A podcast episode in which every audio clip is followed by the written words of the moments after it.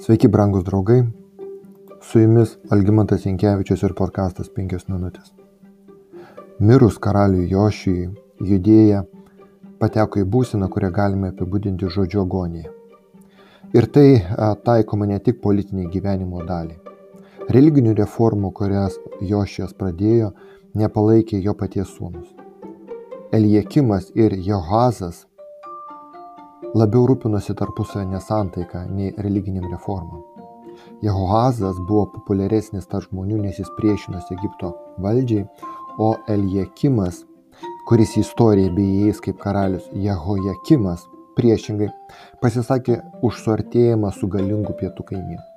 Jie niekaip negalėjo suprasti, kad judėjos saugumas priklauso ne nuo teisingo politinio alijanso, bet nuo visos tautos ir visų pirma karalius kreipimosi į viešpatį ir paklusnumą viešpačiui.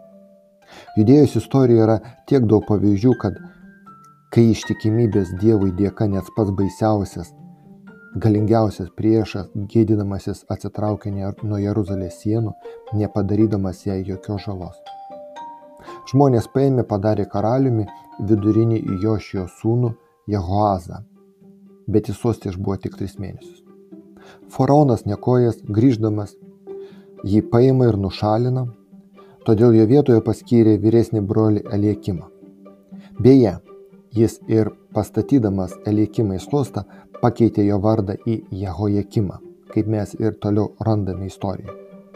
Kaip, patvirtin, kaip patvirtina tinimą, atsiprašau, pastoro jo lojalumui, lojalumui Faraonas pareikalavo iš jo kasmetinės duoklės, kurią judo karalius surinko iš savo pavaldinių kaip papildomą mokestį. Tačiau po trijų metų jaunasis babiloniečių karalius Nebukadnecaras apgulė Jeruzalę, o Jehojakimas triems metams buvo priverstas tapti vasalu, priklausomu nuo Babilono. Tuo metu pamaldus judo karalius giminaičiai Danielius, Mišaelis, Azarija ir Hananija buvo išvesti į Babiloną kaip pirmieji belaisviai. Danieliaus pirmas skyrius. Jų ištikimybė viešpačiui nesvetomoje šalyje suteikė gausių palaiminimų visai hebrajų tautai, kuri per ateinančius 20 metų buvo priverstinai perkelta į Babiloną. Danieliaus likimas tam tikrų požiūrių netgi pakartojo Juozapo, kurį broliai pardavė Egiptą likimą. Kaip ir Juozapas, Danielius ištikimybės Dievui dėka, ne asmeninių sugebėjimų, bet ištikimybės Dievui dėka įsitraukė į didžiulės imperijos valdymą.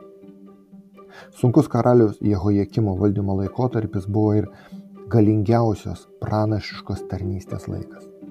Nors net kunigai atsitraukė nuo viešpaties ir, jeigu taip galim pasakyti, ėmėsi stabmeldystės, pranašai neleido nutilėti Dievo žodžio. Dievo pranašas Jeremijas buvo tas, prie kurio susirinko žmonės, trokštantis tęsti karaliaus Jošijoje reformas. Vienas iš šių žmonių buvo Nerijos sūnus Baruchas.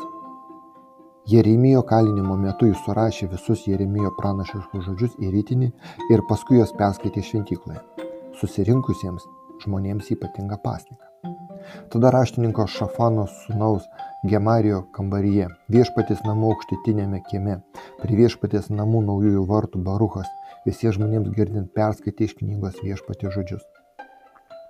Tuomet didžiūnai nusintė pas Barucho Kušio sūnaus, Šelimijo sūnaus, Netanijo sūnų Jehudį su įsakymu pasimk kritinį, kurį skaitai, skaitai žmonėms girdint ir ateik. Nerijos sūnus Baruchas atėjo pas juos su rytiniu rankoje, prašom sėstis, Jie tarė jam ir perskaityti, ir Baruchas jiems perskaitė, išgirdę visus žodžius, jie ėmė nugastauti ir sakyti vienas kitam, mes tikrai privalome visą tai pranešti karaliui.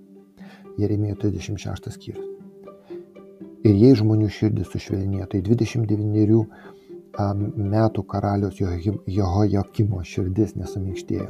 Jis nepaisydamas savo tarnautojų, savo pareigūnų prašymų, sudegino rytinį o vis dėlto šio rytinio tikslą nustatė viešpats.